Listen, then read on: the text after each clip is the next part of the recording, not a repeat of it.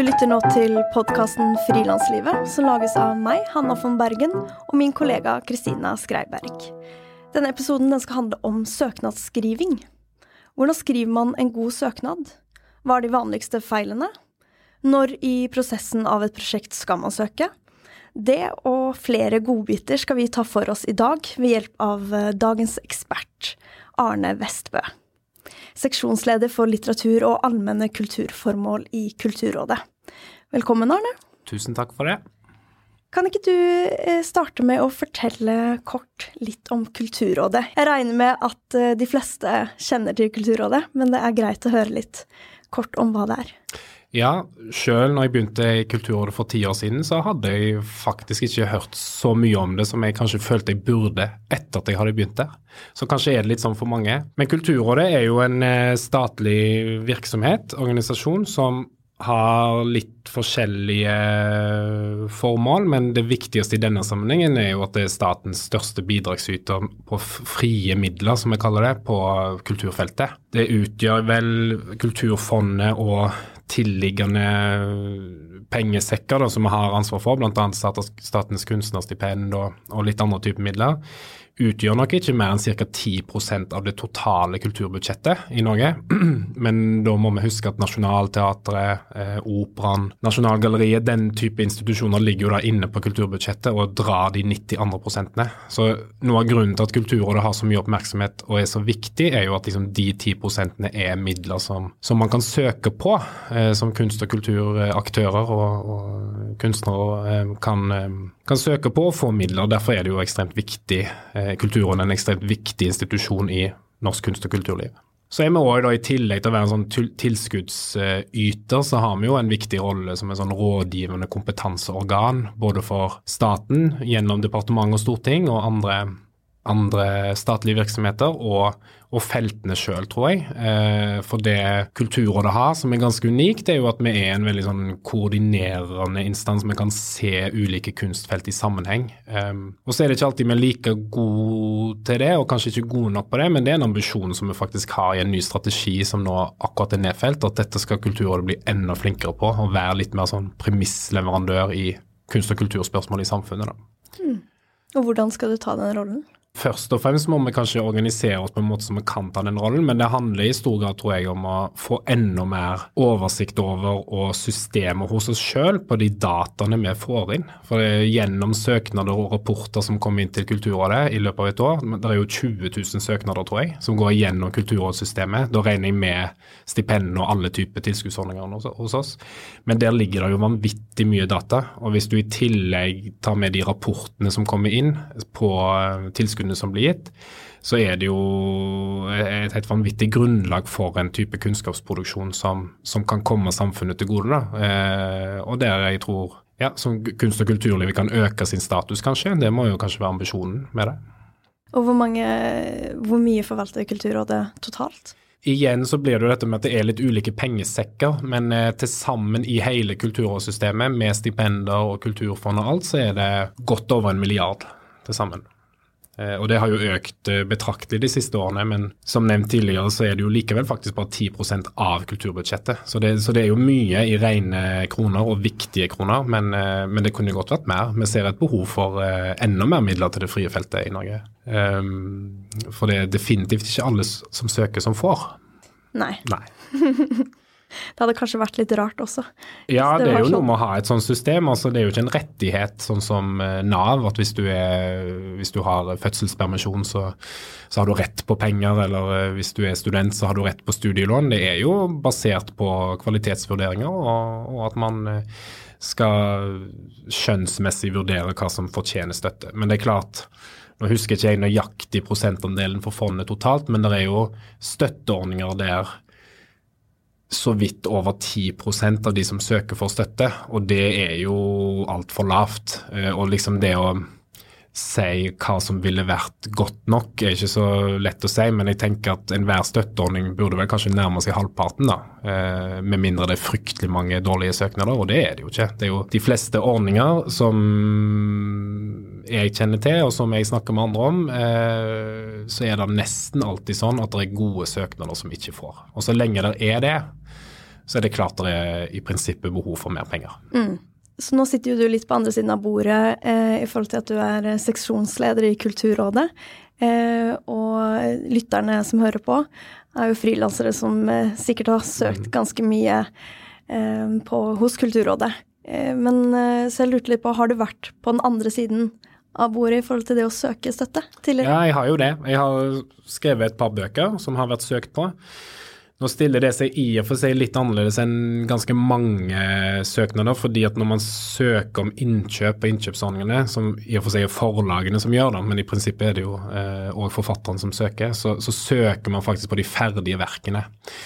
Eh, så jeg har ikke akkurat søkt Kulturrådet sånn, men jeg har jo som forfatter søkt eh, Norsk faglitterær forfatterforening om penger, og, og jeg har òg vært involvert i et seminar som har søkt litt penger, så jeg kjenner jo for så vidt eh, prosessen fra den sida òg. Mm. Mm.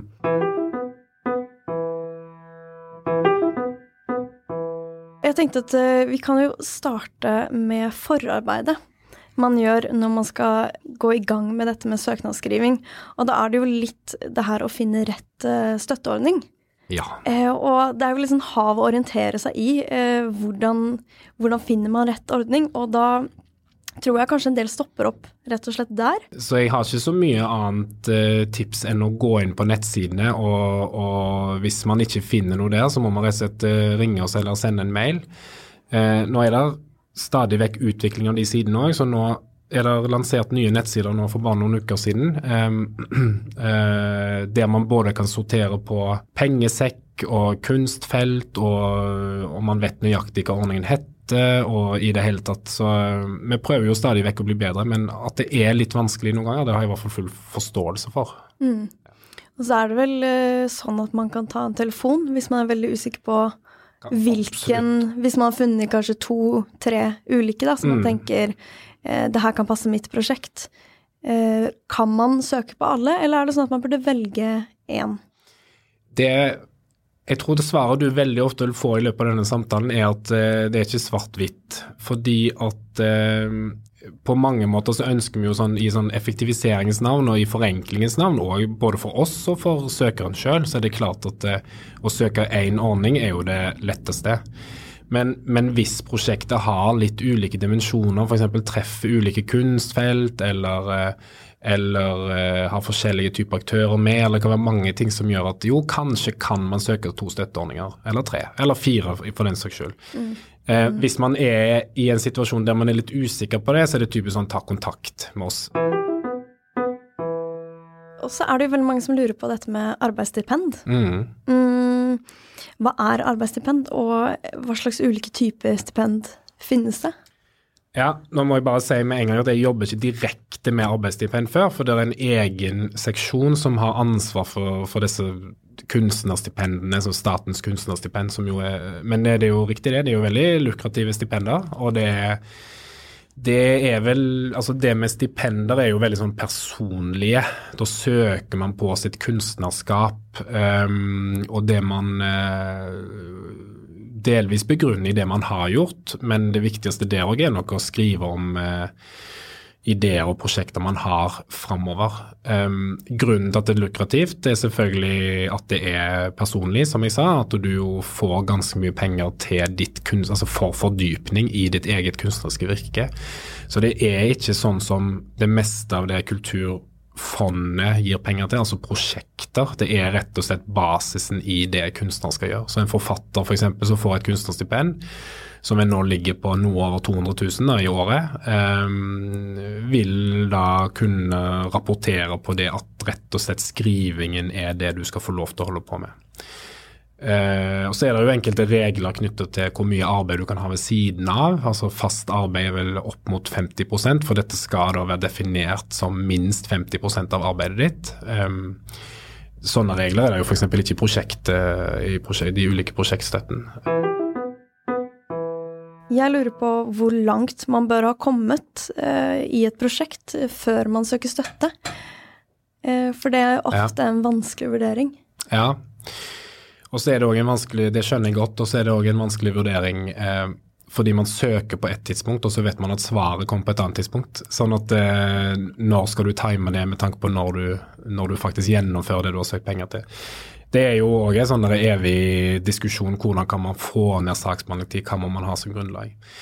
Um, dette kan òg variere litt fra ordning til ordning og fra felt til felt, men jeg vil sånn, generelt så vil jeg jo si at uh, dette forarbeidet er viktig nettopp for å vite det. Altså hva på denne ordningen, hva er det egentlig som er grunnlaget Kulturrådet trenger for å gjøre en kompetent vurdering? Det er liksom en sånn litt sånn generell og kanskje litt abstrakt, men likevel, eh, likevel et tips som det går an å gi. da. Og så tenker jeg at det må det må være kommet såpass langt at det er ganske konkret. Um, jeg kjenner, For å ta et eksempel, så kjenner jeg uh, I og med at jeg jobber mye med litteratur, så kjenner jeg jo litteraturfestivalene ganske godt. Så hvis det søker en litteraturfestival, så kan de jo i og for seg beskrive veldig godt hva de vil, og hva de ønsker. Men hvis det ikke er noe som helst navn på programmet, Eh, eller at det er noen, men ingen av de er forespurt eller bekreftet, da vil jeg si det er litt for tidlig. Eh, så man må på en måte ha begynt å konkretisere det, og det må ha blitt mer enn en god idé. Mm, og tatt det fra idé til eh, intensjonsavtaler, ja, eller ja. ja noen bekrefta navn på noe Nettopp. som er stille opp. Og... Eh, samtidig som vi har full forståelse for at sant, kanskje søker man tidlig fordi man ønsker avklaringen tidlig. Eh, det har man jo forståelse for, så kan man ta hensyn til det, men det må liksom være noe å ta tak i. Eh, og det jeg tror er et sånn, og et sånn generelt overordna tips, er jo at man tenker på at det er noen som faktisk skal lese dette og vurdere det.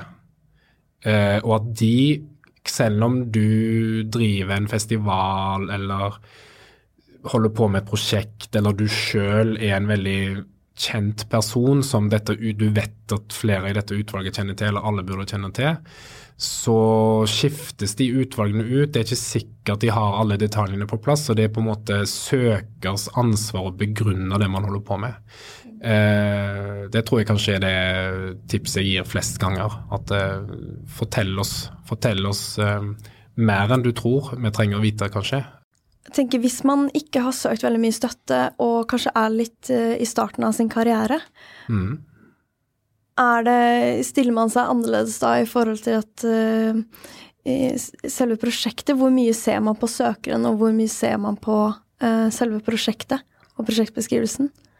Jeg tror svaret på det må bli at uh, den balansegangen ligger litt i spørsmålet. Altså Man stilles i det spørsmålet på en måte. Uh, hvor mye skal vi her vektlegge at dette er et godt initiativ, men vi kjenner ikke så mye til denne søkeren og den erfaringen en har, versus søknader som kanskje, kanskje er litt svakere, men kommer fra folk som man vet leverer gang etter gang. Så det er en sånn evig, evig balansegang hvor du skal, hvor du skal, hvordan du skal vurdere det. Um, mm, men hvis man ja. er litt ny, så har man kanskje ikke vist eh, den gjennomføringsevnen som dere ser hos uh, de små, uh, veldig erfarne? Absolutt, og da tenker jeg at man må, man må som søker da være selv ha den bevisstheten. Uh, at kanskje kjenner ikke Kulturrådet At man må legge ekstra vekt på det i søknaden. Men, men, um, men jeg vil jo òg si at Kulturrådet og alle utvalg som jobber hos oss, er veldig bevisst på å få fram nye navn. Eh, og ønsker jo å se og dyrke fram liksom, de små spirene på en eller annen måte. Um, så ja, så det er den der balansegangen mellom det. Men jeg tenker det er klart at er man ung og uetablert og ikke har gjort så mye, så har man kanskje et litt større um, at man må jobbe litt ekstra godt med den begrunnelsen og vise hvem man er og at man har gjennomføringsevne. For det er jo òg et sentralt ord. Dette med gjennomføringsevne er jo kjempe, kjempeviktig. At, at, vi forvalter jo fellesskapets midler, og da er det jo et poeng at man får noe igjen fra de pengene man da uh, gir ut. Mm.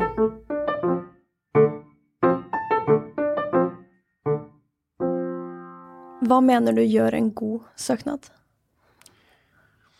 Jeg tenker at en god søknad har en helt tydelig sånn overordna idé, og er konkret på hva Den beskriver konkret hva de som søker, ønsker å gjøre. Og jeg tror et tips er egentlig litt sånn å følge en slags journalistisk metode, nesten. Altså spør eh, Still spørreordene til den teksten du skriver. Altså hva skal du gjøre? Hvem skal gjøre det? hvordan skal du gjøre det? Og så ganske sentralt er det siste hvorfor skal du gjøre det? Hvorfor skal du gjennomføre dette prosjektet? Hva, hva er det som gjør at dette har um, uh, vil få betydning i for norsk eller internasjonalt uh, kunst- og kulturliv, eller samfunnet for øvrig. I, for å bruke noen eksempler, da, så tenker jeg i, vi har en innkjøpsordning for oversatt litteratur, der forlagene kan søke det sammen med eh, oversettere. Um, men det er forlagene som formelt søker.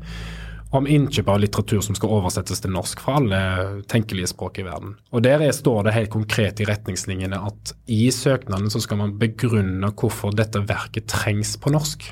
Altså, hva, hva, er grunnen til at vi trenger dette i Norge, eller grunnen til at vi bør ha dette i Norge? For Det finnes jo tusenvis av bøker gitt ut der ute, og, og, noen av de eh, er jo helt greit, at de kanskje bare hører til i et land, eller eh, i og for seg i Norge òg, i et lokalsamfunn. Men hva er liksom poenget med at Kulturrådet skal støtte dette, og hvorfor, hva skal dette gi igjen til den norske offentlighet? Det tenker jeg på en eller annen måte kan gjelde for alle typer søknader.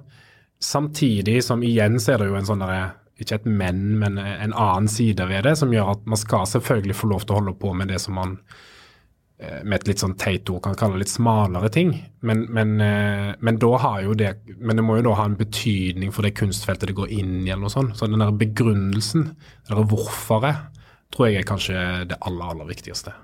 Mm. Det gir mening. Og det kan jo være veldig vanskelig også. Jeg er eh, musiker selv, og så jobber jeg med å organisere kulturprosjekter. Og noen ganger syns jeg det er mye lettere enn å gjøre et prosjekt, sånn som denne podkasten, å skrive det. Og jeg syns det er mye vanskeligere når det gjelder egen musikk, eh, å si hvorfor skal denne mm. musikken ja. nås, utover at ja. forhåpentligvis man opplever det som god musikk som gir gir verdi, men mm. det, er det er vanskelig å si ja. Eh, Kanskje begrunne hvorfor på samme måte, ja. når man selv står Ja, står så nært det, kanskje. Det er noe med det. Ja, det skjønner jeg veldig godt. og jeg, jeg, mener, Nå jobber jo jeg, som jeg har nevnt, med, med litteratur mye. og det er klart at det, litteratur og folk som skriver søknad på litteraturprosjekt, jobber jo med språket. Mens musikk, visuell kunst, eh, scenekunst, jobber jo selvfølgelig til det som er språket, og det gjør jo selvfølgelig musikk og visuell kunst òg. Dette krysser jo hverandre, og tekst er jo faktisk et element som kommer inn i andre kunstdata. Men uansett så er det klart at søknad Det der hva En god søknad, blir det nødvendigvis et godt prosjekt? Det er jo en sånn evig diskusjon, og en dårlig søknad kan selvfølgelig òg bli et godt prosjekt, eller, eller god kunst av det. da. Eh, så mm, noen ganger så må man jo bare se at dette er det beste systemet vi har. At For at folk skal kunne søke og få penger før de faktisk gjennomfører det, så, så er vi nødt til å ha det på den måten. Men så må jo både Kulturrådet være flinke til å veilede og, og stille opp i podkaster sånn som dette her, og på en måte gi, gi tips og hint til folk. da. Og kunstnerne sjøl, søkerne sjøl, skjønner at det er sånn systemet fungerer. Eh, selvfølgelig så er det dumt hvis man må bruke altfor mange prosent av tida si på søknadsskriving. Og vi skal gjøre det, prøve å forenkle og gjøre det så, så, godt vi kan fra vår side. Men jeg tror ikke vi kommer unna det på en eller annen måte. Men det er jo òg derfor det er så viktig at i utvalgene og i sekretariatet og administrasjonen som, som, jeg representerer, um, sitter folk som kjenner kunstfeltene, som kjenner den terminologien og og En ting er jo navnene, Uh, de som står bak, det kan jo gi et signal om at ok, her kjenner vi, vet jo at dette miljøet pleier å gjøre sånn og sånn, og vi skjønner jo når de beskriver det sånn, så mener de egentlig det, eller de går i den retning. Men uh, med noen års erfaring fra saksbehandling, så begynner man etter hvert å, å se ok, kanskje de her formulerer seg litt krøkkete, men vi skjønner jo hva de vil. Eh, men til sjuende og sist er det klart det, man må klare å sette ord på det på en eller annen måte. Mm. Og da som musiker at man faktisk skal sette ord på ting. Det er et eller annet paradoks der, men jeg tror ikke vi kommer unna det på en eller annen måte. Nei, og det er jo viktig for, eh, i andre typer sammenhenger òg. Man formidler jo alltid det man driver med. Absolutt. Om det er i en søknad eller i en presentasjon eller ja, i møte med publikum. Så det er jo viktig å kunne eh, si det med ord også. Det er det. Men du kan selvfølgelig, du kan være verdens beste harpist, og det er ikke sikkert du kan skrive et eneste ord i en søknad. Så, så, sånn er det jo bare. det er sant. er det noen typiske feil du ser som folk gjør når du skriver søknader? Ja, Det kan jo være det jeg var inne på med disse tipsene på at, at man ikke svarer på de spørsmålene. At man ikke egentlig tenker godt nok på hva, hvem, hvorfor, hvordan. Men, eh, men kanskje, kanskje det at man, man ikke er konkret nok, og, at, og litt det vi var inne på, at man søker for tidlig. At man, eh, man, eh, slenger inn en søknad og så tenker at dette går sikkert bra, men, at man ikke helt liksom tar inn over seg at de som skal vurdere dette, må ha noe å, å, se på, må ha noe konkret å vurdere. Og det er jo ofte veldig vanskelig balanse, sånn som vi snakka om tidligere. Ja, ja. Mm. Var bl.a. på en turné hvor vi måtte ha bekrefta alle spillestedene for å søke. Eh, og på det tidspunktet så er det jo litt Da venter man jo kanskje ikke på svar, eller ha tid til å vente på svar Nei. før det faktisk skjer, eller. Men ofte så er det vel sånn at man må ha sendt søknaden før man lanserer, men at uh, behandlingen kan uh, foregå, og man kan få svar etter man har lansert, mm. så lenge søknaden er inne før. Ja hvis jeg har forstått det korrekt? Ja da, og er, det kan jo være litt ulikt fra ordning til ordning, men det er jo akkurat det. Det er så mange parametere her. Det ene i behandlingstid, så, som Kulturrådet alltid vil liksom Ok, kan vi ha kortere behandlingstid? Kan vi stille noen andre krav? Det er jo et annet parameter, som, som f.eks. dette med bekrefta turnésteder. Kunne man sagt at ok, det trenger ikke være alle, det kan være halvparten kunne man sagt at i noen tilfeller så skal vi tross alt basere det mer på erfaring med søker, der man har det, versus uh, se for mye Eller bare se på hva man har planlagt framover.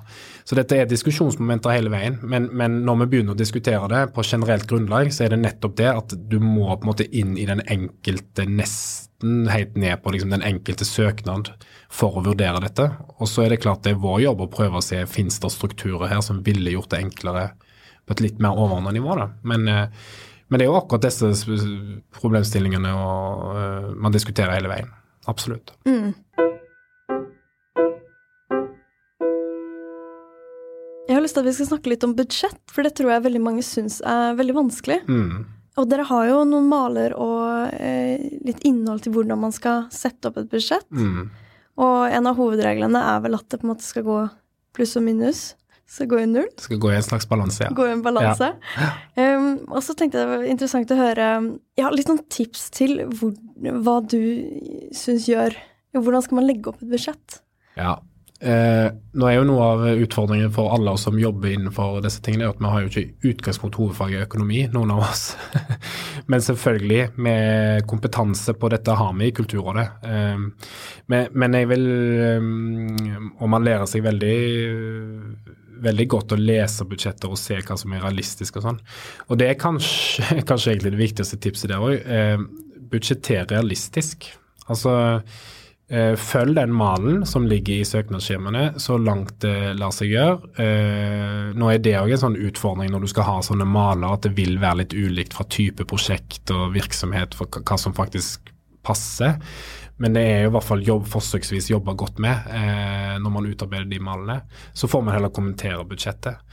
Men, eh, men, altså den enkle varianten, tenk på, begynn med utgiftene og tenk på hva er det som koster penger her, og hvor mye koster det. Og sjekk, det er veldig viktig i forarbeidet, egentlig. At man, at man ikke bare stipulerer 10 000 kroner i reise, og så viser det seg at det koster jo faktisk 50 000 å dra på turné i Finnmark.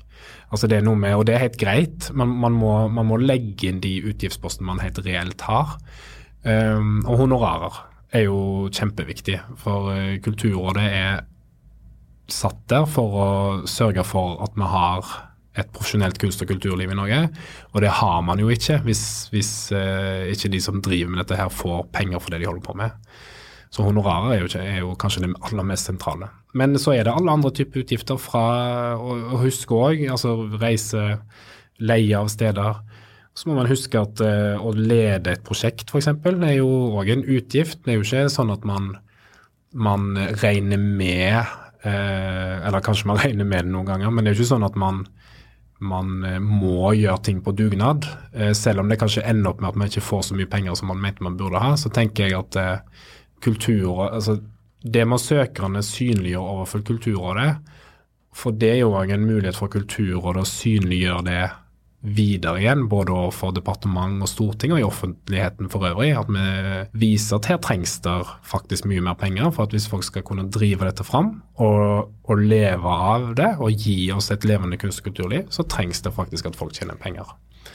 Så, mm. ja. Og vi har faktisk fått inn uh, et spørsmål fra noen av uh, frilansere som ja. har spurt oss om vi kan spørre ofte når man har et prosjekt, så kan man velge om man skal legge det på hva skal man si, scenario A, B eller C mm. hva gjelder økonomien. Og det kan være scenario A er kanskje liksom det største og det beste, hvor man kan leie inn hjelp utenfra, man kan honorere seg selv, det man burde ha, og eh, kjøpe det beste utstyret etc. Og scenario B er kanskje en middel, middelvei. Og scenario C kan være her gjør vi noe på dugnad, kanskje man tar flere roller. At uh, sånn som i podkasten, eh, skal man mikse det selv, skal man leie noen utenfra, ja. sånn type ting. Ja, ja. Og da, hvis Fikk vi spørsmål hva er lurest å søke om? Fordi hvis man velger det laveste budsjettet, tenker man kanskje at det er større sannsynlighet for at man får midler, versus om man går for et veldig stort, men da kanskje man får litt av det. Og er det noe, er det tommelregel der? Det tror jeg mange mm. syns er vanskelig. Ja. ja, jeg skjønner at det er vanskelig, og det er jo jeg svarer jo på det òg, som mye annet. Så dessverre så er det jo ikke noe fasit og noe Egentlig sikkert ikke noe tommelfingerregel heller, men jeg vil jo si at noe av, i det forarbeidet som man skal gjøre, da, så, så tenker jeg eh, realistisk budsjettering eh, handler kanskje òg om å gjøre seg kjent med ok, hvor stor er faktisk avsetningen på denne tilskuddsordningen jeg søker fra? Eh, hva kan vi forvente å få? Um, uh, og det vil man jo òg Tilskuddslistene ligger jo ute, og det kan man jo òg prøve å, å, spørre en saksbehandler om. Noen vil jo selvfølgelig svare litt det samme som meg, at det er veldig avhengig av uh, det og det og det. Men, men til en viss grad så kan man jo se ok, dette prosjektet minner kanskje litt om det jeg holder på med. Denne festivalen er omtrent like omfangsrik. Så, men i utgangspunktet så mener jeg at man, man skal budsjettere for et så godt prosjekt som man mener man kan få til. Og da blir det jo på en måte scenario A. Men hvis det viser seg at eh, da må man søke 500 000, og det er ingen på denne støtteordningen som pleier å få over 100 000, eller eh, støtteordningen i seg selv er jo bare på en halv million, når det er ingen som er så små, men, men i prinsippet, da. Eh, for det er jo òg sånn at Kulturrådet i sine vedtak eh, kan si noe om at vi ser at vi nå gir mye tilbud og mye mindre støtte enn det dere søkte om. Eh, og da er det på en måte litt opp til tilskuddsmottakere å si at OK, vi skal få til dette på den og den måten. Eller så kan man jo faktisk også si nei, OK, da må vi heller si nei nå, og så får vi heller søke i neste runde. Så man har jo den muligheten der òg, til å faktisk vurdere det og da kanskje søke på scenario C, som du kalte det, eh, i neste, neste, omgang. Så mm. ingen tommelfingerregel annet enn at et realistisk budsjett som gjør prosjektet så godt som mulig. Jeg, ikke, jeg ville ikke tenkt for taktisk eh, egentlig, altså. Mm. Og på inntektssiden så ja, skriver man kanskje opp andre støtteordninger som man søker på. Um, og hvordan, hvordan, skal man forholde seg til egenandel? Ja, jeg tror at det viktigste der er det første du sa, at man har eh, Kulturrådet vil nok eh, i liten grad fullfinansiere prosjekter. Det er til og med noen støtteordninger som sier at det gjør man ikke. Det er ikke alle som gjør det, fordi man kan jo se for seg noen, noen tilfeller der Kulturrådet sier at dette er så viktig, og vi skjønner at man ikke får støtte fra et annet sted. Men jeg tenker det å ha flere finansieringskilder er det viktigste. Og om noe av det er egenandel eller ei, tror jeg ikke egentlig man legger så mye vekt på. Annet enn at eh, hvis man òg med en egenandel da tenker f.eks. billettinntekter og sånne ting, som jo ikke er egenandel, men som likevel er at man budsjetterer med noe annet enn støtteordninger. da. Eh, eh, det kan nok være et poeng eh, på festivalarrangementer og sånn, at man, at man på en måte viser en bevissthet rundt at eh, det skal ikke nødvendigvis være gratis for publikum med kunst og kultur heller. At man, for det òg handler, tenker jeg, om profesjonalisering av feltet generelt. At man, altså Noen arenaer som biblioteket skal åpenbart tilby gratis ting, men, eh, men eh, et litteraturhus kan godt ta 50, om det bare er 50 kroner, så viser man en bevissthet rundt at det er forskjellige finansieringskilder. Mm. Men jeg tenker mer på eh, egenandelen det trenger man overhodet ikke legge inn. Jeg tenkte Det er viktigere å legge inn egeninnsatsen på utgiftssida. Ja, ikke sant. Ja. Og synliggjøre alle timene Ja, i form av honorar. nettopp. Ja. Men burde man på inntektssiden da skrive eh, hva det hadde tilsvart i egenandel hvis man jobber noen timer gratis i forhold til at man ikke kan søke om hele beløpet? ja, det ville jeg absolutt gjort. Absolutt. Det syns jeg egentlig er en veldig god idé, for det er jo akkurat sånne type måter man, man synliggjør det på. Budsjettet er Altså Prosjektbeskrivelsen er jo selvfølgelig kjempeviktig, men budsjettet er, er selvfølgelig en helt sentral del av søknaden, fordi at det er jo penger man søker på. Det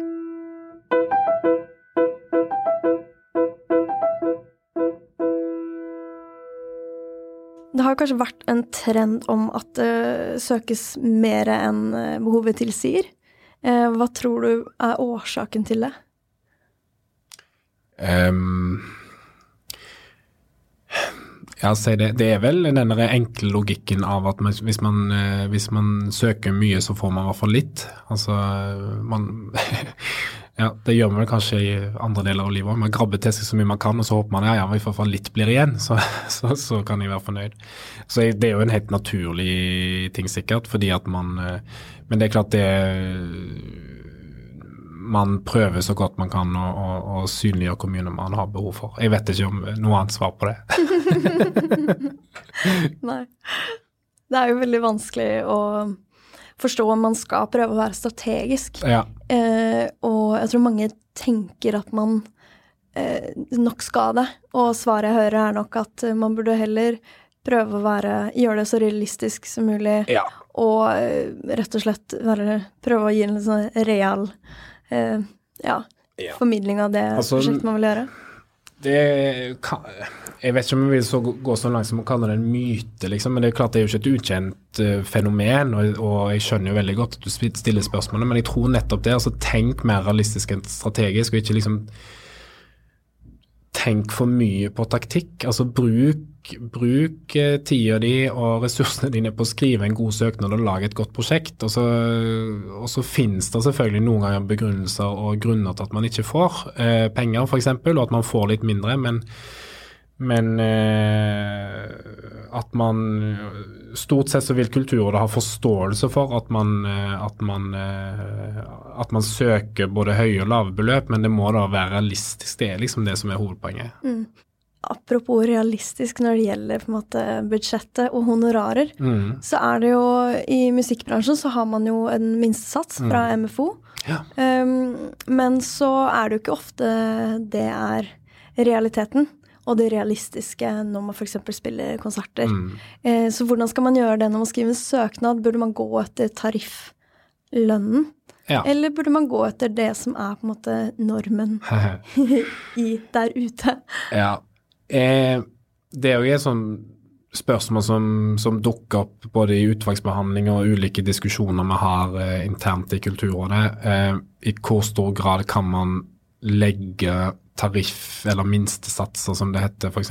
På, på litteraturområdet, inn som premisser i retningslinjene. Eh, for eksempel, da, så det kunne man jo gjort. Eh, jeg tror i liten grad man kan gjøre det, men det er definitivt noe utvalgene ser på. Og det er definitivt noe vi er veldig opptatt av, at det, det finnes jo noen fremforhandla tariffer der, som jo er uavhengig av Kulturrådet. Altså det er jo Kulturrådet er ikke noe part i det, eller det er ikke alltid det fremforhandla heller, men det, det er foreslåtte da, fra de ulike foreningene. Så jeg tenker at det, det bør man budsjettere med, er liksom mitt tips. Og så vil det jo kanskje være tilfeller der òg, som det jo nok er, og kanskje f.eks. på musikk, der man gir tilskudd til arrangører som, som man ikke har noen på en måte sanksjonsmulighet overfor hvis de ikke honorerer i henhold til satsene. Men det er i hvert fall en ganske sånn tydelig, tydelig holdning fra Kulturrådets side at, at uh, vi ønsker at de følges at tariffer og minstesatser følges, og, og selvfølgelig så må man kunne gi mer enn en minstesats, men i hvert fall ikke mindre.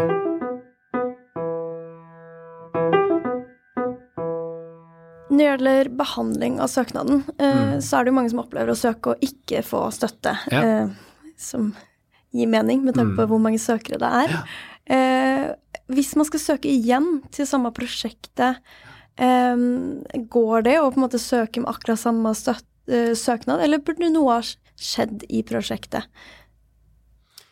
Det igjen så blir det et sånt svar som er Det avhenger litt av støtteordningen. Jeg vil si at sånn generelt så så bør det nok kanskje ha skjedd en utvikling i prosjektet. Altså innenfor et kalender, Den formelle regelen er at innenfor et kalenderår så, så kan du ikke søke på ny på, på, nøyaktig samme prosjekt. Men det går jo an å nå er det klart at Dette med avslagsbegrunnelser og sånn er jo en veldig sånn stor diskusjon der, som vi ikke skal begynne på her. Man kunne jo, Hva type avslag har man fått? Betyr det liksom at det var det egentlig godt nok, men ikke nok penger, eller var det det at dere syntes det var dårlig? Mm, og det vet man jo ikke. Det vet man ikke nødvendigvis. Noen ordninger er litt flinkere på å gi sånne begrunnelser enn andre. og det det handler både om hvor mye ressurser skal man bruke på det, og, og hva diskusjoner kan oppstå i etterkant og sånn. Så det er jo en helt egen, egen episode i denne podkasten, sikkert, eh, hvis man skal gå inn på det. Men, avslag. Men, men, avslag, ja.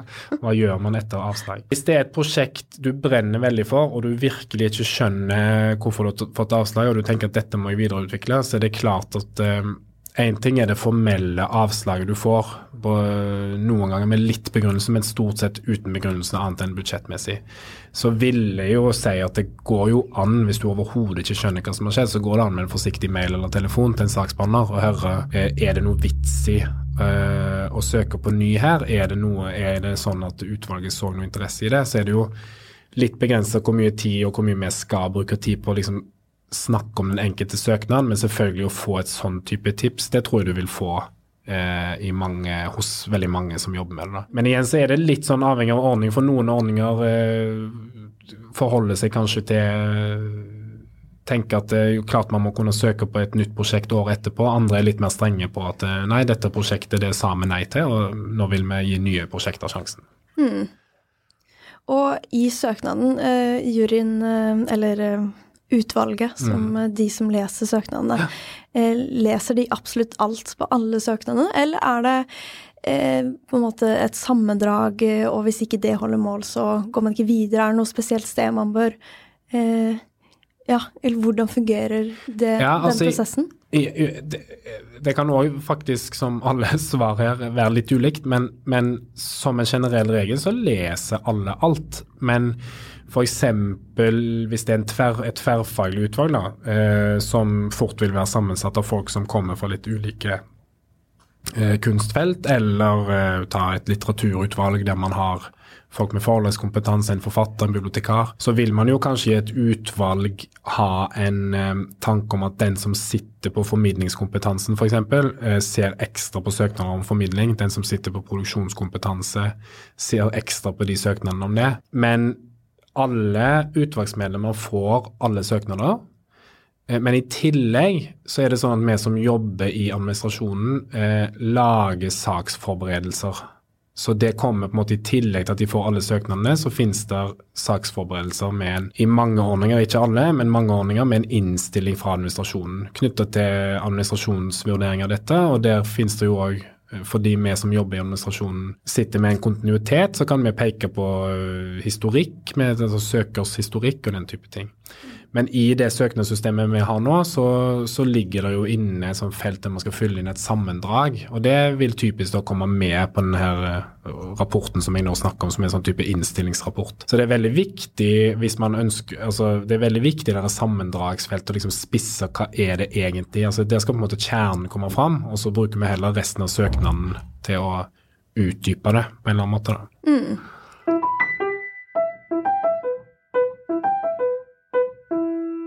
Litt her på slutten om rapportering uh, og det som skjer etter man da eventuelt har fått uh, penger fra mm -hmm. Kulturrådet. Um, slik jeg har forstått det, så er det en veldig, ofte ikke sånn veldig avansert rapport som må inn. Kan ikke du si veldig kort hva er det man må levere etter prosjektet? Ja, man, eh, man må levere en rapport og et regnskap. Eh, det er måtte hovedregelen. Og den trenger for så vidt ikke være så avansert, det er riktig det. Nå, nå, er det for så vidt sånn at vi nå eh, Kanskje i disse dager blir det et feil begrep, fordi, fordi, vi har holdt på med det en stund. Men det vil nok òg komme maler for rapportering. For én ting er at, eh, at, det er jo selvfølgelig viktig at det faktisk dokumenteres at pengene har gått til det de skulle.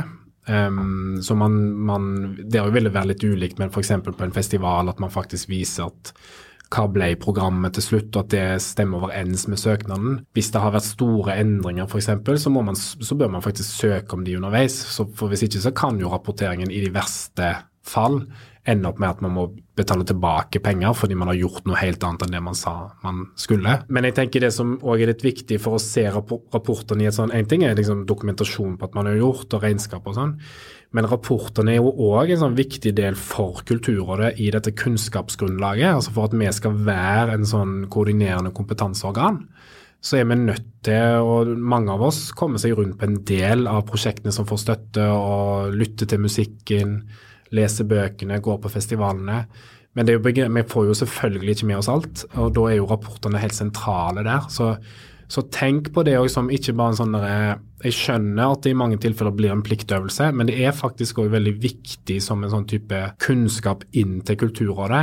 Eh, og det kan få sånn sett få direkte betydning både for din egen søknad i neste omgang, fordi at vi kan da forholde oss til ok, hvordan rapporterte disse sist, hva ble det av dette prosjektet, men òg dine kolleger. Altså fordi at dette er med på oss, for oss er dette med på å si noe om ok, pengene som vi ga sånn, resulterte i det.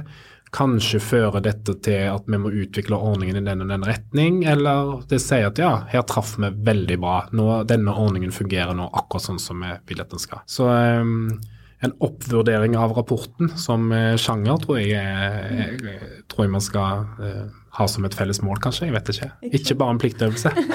Kjøper en liten appell da på slutten til alle dere søknadsskrivere ja. om å ja, legge litt kjærlighet inn i rapportskrivingen. Gjør det. Mm, vet du hva? Tusen takk, Arne, for at du tok deg tid til å komme hit og prate med oss i dag. Takk for at jeg fikk komme. Mm, ha det bra. Ha det.